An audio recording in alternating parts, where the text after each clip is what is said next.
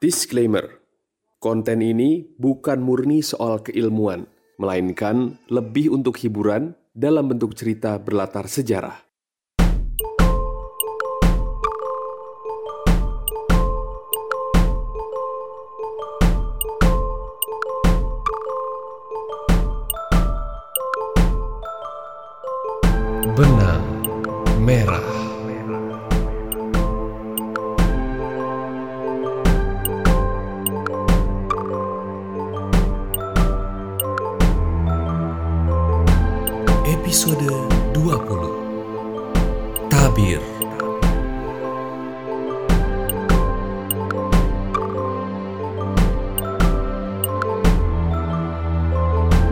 Episode sebelumnya, kita dibiarkan terkatung dalam suatu adegan menegangkan.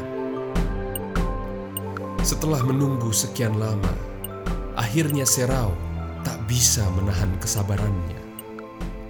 Selepas maghrib, ia mendatangi istana untuk mencari istrinya itu. Sontak saja suasana jadi ramai. Para petugas istana sibuk meladeni Serau yang panik menanyakan keberadaan istrinya.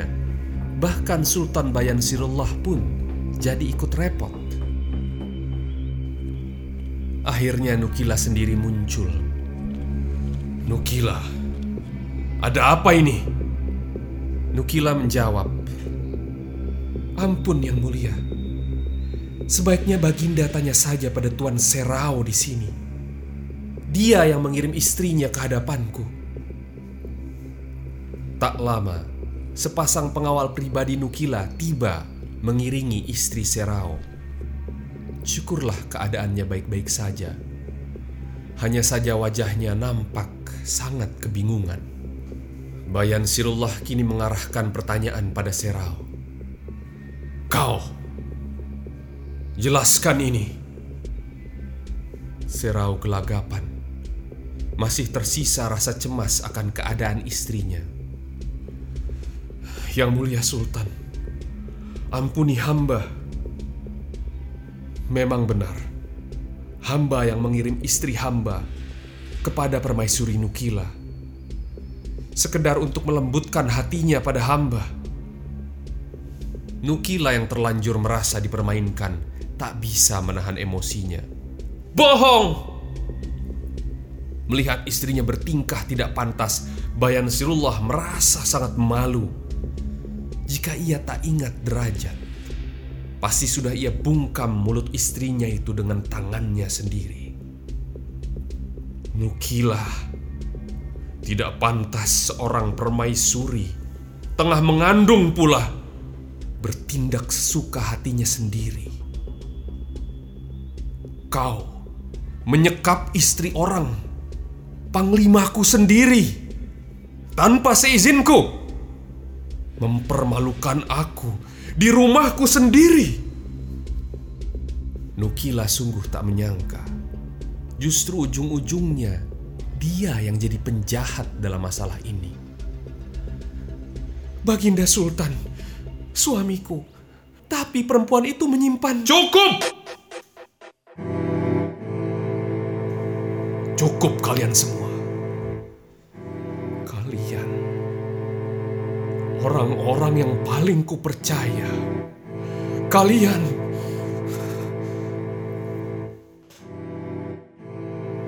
Bayan Sirullah yang tak sanggup menahan beban perasaan melampiaskan segalanya dengan merebut tombak seorang pengawal, lalu mengobrak-abrik benda apa pun yang bisa ia temukan.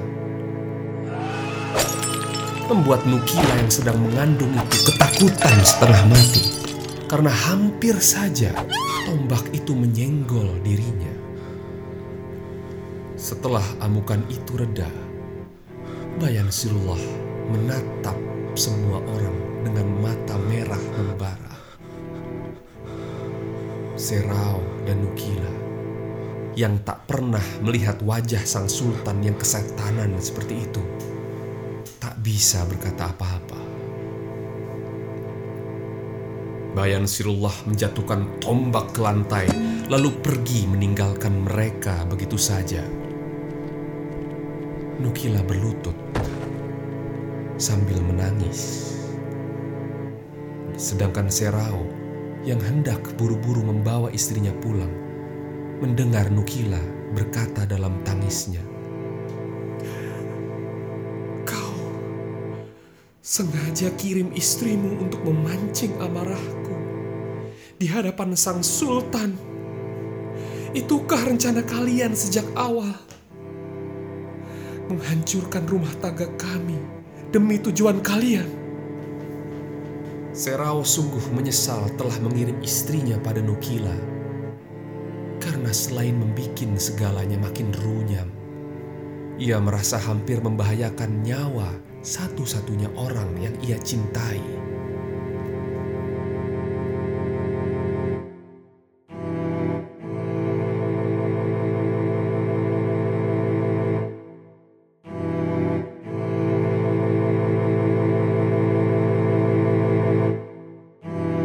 Seminggu berlalu sejak kejadian itu.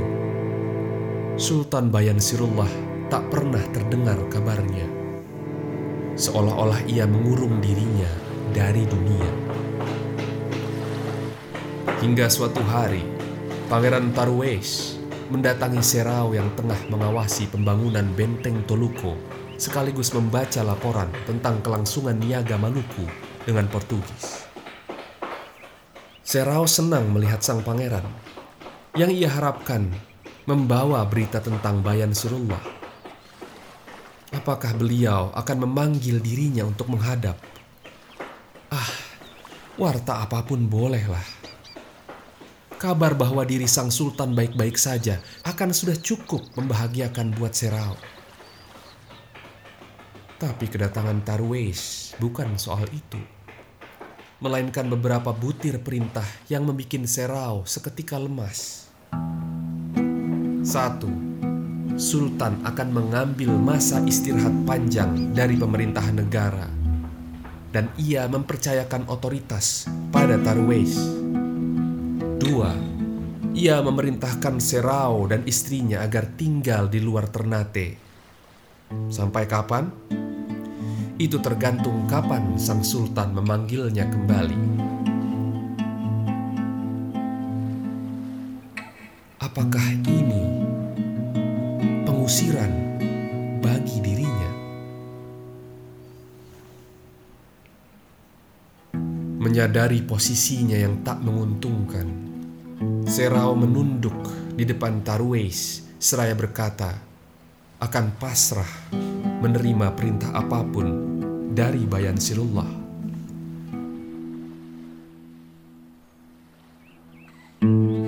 Ke mana Serau akan pergi?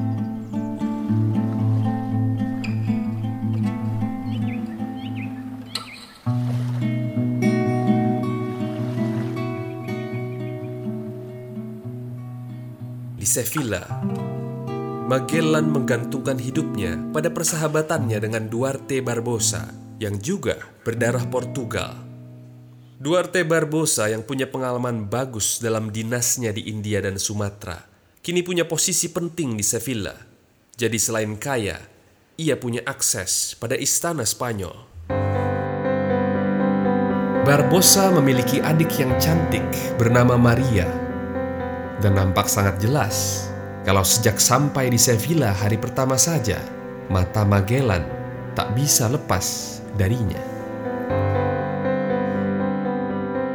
Dua hari lalu, Duarte Barbosa berangkat ke istana raja di Toledo untuk menyampaikan surat permohonan menghadap. Ia yakin Magellan akan menggunakan kesempatan itu untuk mencuri waktu mendekati Maria, bahkan bisa saja mengajaknya pacaran. Tapi tebakan Barbosa meleset. Sebab sepulangnya ia ke rumahnya di Sevilla, ia memergoki Magellan sedang berlutut di hadapan adiknya. Melepas kesetiaan dari Portugal, seolah melepas semua beban masa lalunya. Magellan sangat menikmati hari-harinya di Spanyol, sembari menunggu kabar dari Raja Charles ia menikahi Maria. Menjalin pertemanan dengan orang-orang yang nantinya bisa ia ajak dalam ekspedisi. dan mempelajari banyak ilmu navigasi bersama Henrique. Dan sebulan sejak Barbosa menyerahkan surat permohonan ke Istana Toledo, Raja Charles mengirim panggilan atas kehadiran Magellan untuk mempresentasikan rencananya.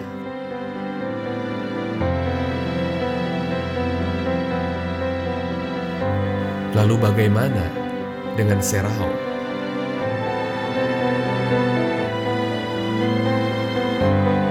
Serao ternyata memilih Timor sebagai tempat pengasingan sementara. Di sana, koloni Portugis yang mulai tumbuh lebih aktif dalam hal agama dibanding persoalan ekonomi dan politik. Misionaris di sini bahkan sangat berhasil mengkristenkan warga lokal yang sebelumnya masih memeluk agama nenek moyang. Kini, jemaat misi tersebut telah mencapai angka ribuan. Serao masih menerima laporan tentang niaga rempah dan perkembangan benteng Toluco. Tapi itu adalah hal sekunder. Kini yang utama baginya adalah ibadah dan berbulan madu dengan istrinya. Sesuatu yang belum pernah ia lakukan sejak menikah. Seakan-akan hari-hari romantis di timur menjadi penebus semua kejadian naas yang mereka alami. Sejak kena badai, terdampar, sampai drama rumah tangga Bayan Sirullah.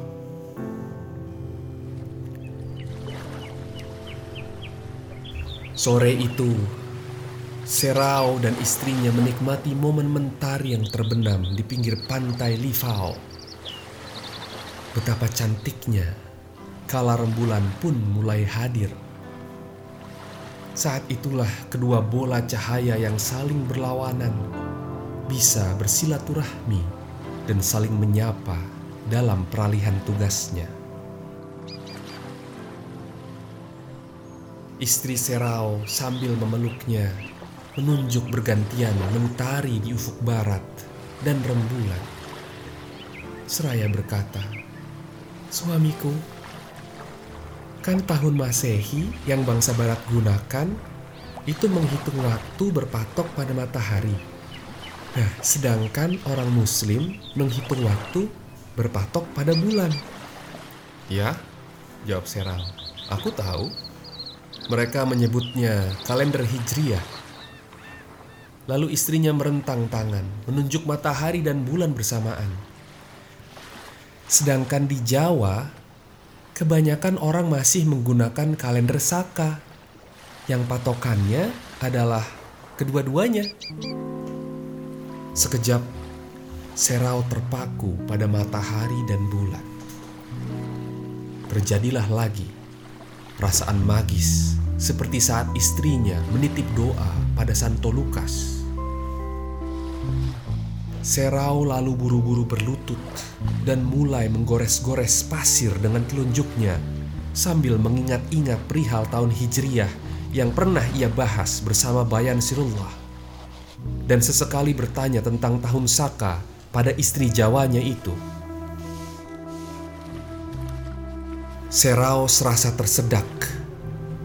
Ia telah menemukan benang merah antara angka-angka misterius Kalung Siliwangi 1443, Gunungan Wayang Demak 3441, dan angka yang muncul dalam mimpi Bayan Sirullah 927. Ia menghitung jika 1443 dianggap tahun Saka dan dirubah menjadi Hijriyah, maka yang keluar adalah 927 Hijriyah. Keduanya adalah tahun yang sama yang jika dirubah menjadi Masehi, yang keluar adalah angka tahun 1521. Serau lalu meminta istrinya menunggu. Sementara ia berlari menuju rumah, kemudian kembali membawa wayang gunungan kiriman Tome Pires. Pada istrinya, ia menunjukkan angka 3441 yang terdapat pada bagian belakang wayang, di mana ada aksara Jawa tertera di bawah angka tersebut.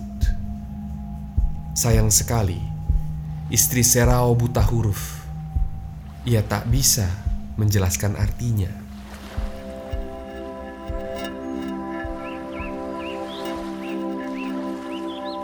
Di timur, Serao serasa mendapatkan ketenangan. Ia kini mulai berpikir bagaimana caranya untuk lepas dari politik Maluku. Sebenarnya ia ingin membantu Bayan Sirullah menggapai tujuannya mempersatukan Maluku. Tapi ia tak siap kehilangan istrinya. Maka hidup tenang adalah pilihan yang juga bagus. Istri Serao sebenarnya ingin menyampaikan pada Nukila bahwa suaminya pun sama dengannya. Tak rela Portugis menguasai Maluku. Bahkan ia telah mengirim surat pada sepupunya, Magellan, agar membawa Spanyol ke peta perebutan kekuasaan sebagai penyeimbang Portugis, meningkatkan daya tawar Ternate. Tapi istri Serao takut mengungkapkan itu pada Nukila. Sebab meski itu akan mendamaikan suaminya dengan sang permaisuri, jika sampai Sultan mengetahuinya, mereka berdua bisa dicap sebagai komplotan pengkhianat. Jadi ia memilih untuk diam. Meski itu artinya membuat hubungannya dengan Nukila makin menegang. Tapi biarkanlah Serao dan istrinya menikmati ketenangan ini untuk beberapa saat. Biarkan mereka mengasingkan diri dari peliknya putaran dunia. Dan ketidaktahuan adalah kemewahan. Mereka tak tahu kalau saat itu di Demak, Pati Unus baru kembali dari pertempurannya di Daha tak ada suasana bahagia. Tak ada sambutan meriah bagi kemenangannya. Pati Unus menemukan kediaman Raden Patah dirubungi rakyat Demak yang terlihat diliputi kesedihan. Pati Unus turun dari kuda perangnya sambil membawa kantung kain. Ia melangkah menuju pintu masuk di mana ia disambut Sunan Bonang yang terpaku pada kantung yang dibawanya. Assalamualaikum Pati Unus. Apakah itu kepala patih udara? Tanya sang Sunan. Aku rasa ini bukan waktu yang tepat. Raden Patah sedang genting. Pati Unus mencium tangan Sunan Bonang lalu berkata padanya, Waalaikumsalam Sunanku. Jika itu benar, berarti ini adalah waktu yang paling tepat. Sunan Bonang belum mengerti apa maksud Pati Unus, tapi ia membiarkannya masuk.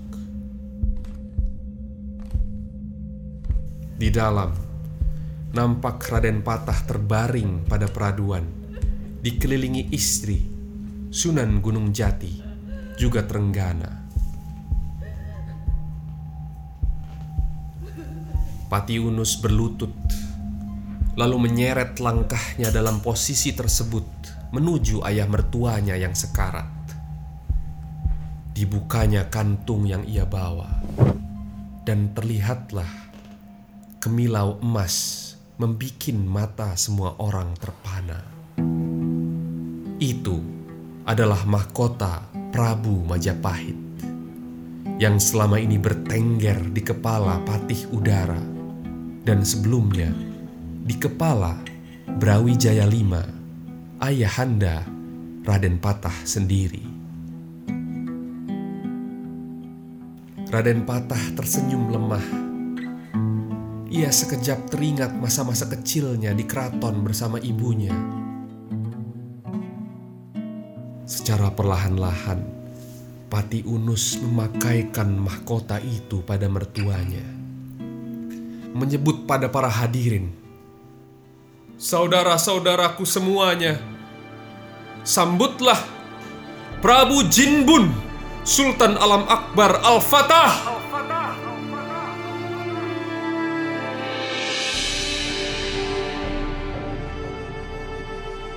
Setelah tiga nafas panjang, Raden Patah membuka lagi mahkota itu. Ia nampak ingin mengopernya, tapi entah pada Trenggana yang ada di sebelah kiri atau Pati Unus di sebelah kanan. Namun saat itulah Raden Patah menghembus nafasnya yang terakhir hingga mahkota itu pun jatuh ke kanan mendekati Pati Unus. Sunan Gunung Jati segera memejamkan mata Raden Patah dengan tangannya sembari berujar, Inna lillahi wa inna ilaihi raji'un. Kemudian ia ambil mahkota Majapahit, memakaikannya pada Pati Unus. Wahai segenap kaula Demak, sambutlah Adipati Unus, Sultan Alam Akbar, Asani.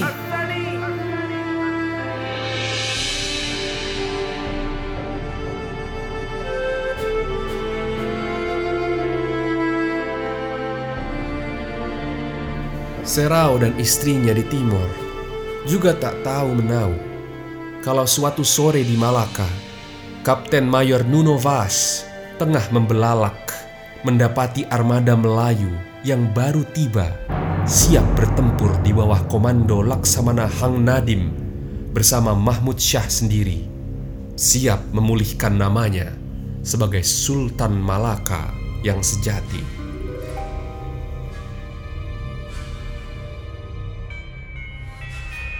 Serau dan istrinya bahkan pula tak tahu putra ketiga Nukila, Tabariji, telah terlahir ke dunia. Kali ini tanpa disambut oleh Bayan Sirullah. Dalam kondisi masih lemas, ia memandangi terus sang orok yang pulas dalam pelukannya. Dengan mata yang basah oleh air mata, ia memanggil nama putri tirinya, Dufa, yang duduk bersimpuh dekat pintu kamar. Nukila berujar, Dufa, kau mungkin tak paham mengapa aku minta kau ke sini. Tapi hanya kau yang aku percaya. Dan hanya dengan bantuanmu, ini semua bisa terlaksana.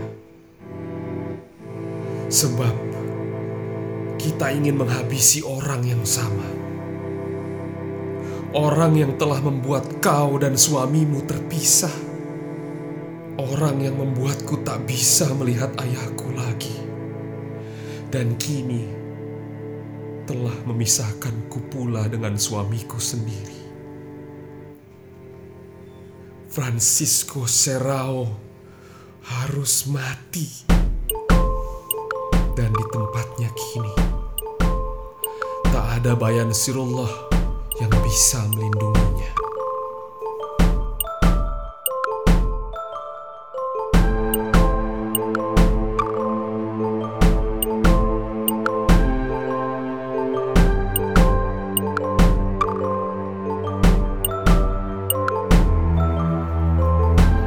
Demikian akhir dari petualangan kita di season ini. Nantikan kisah yang makin mendebarkan pada season berikutnya. Roman Benang Merah. Terima kasih.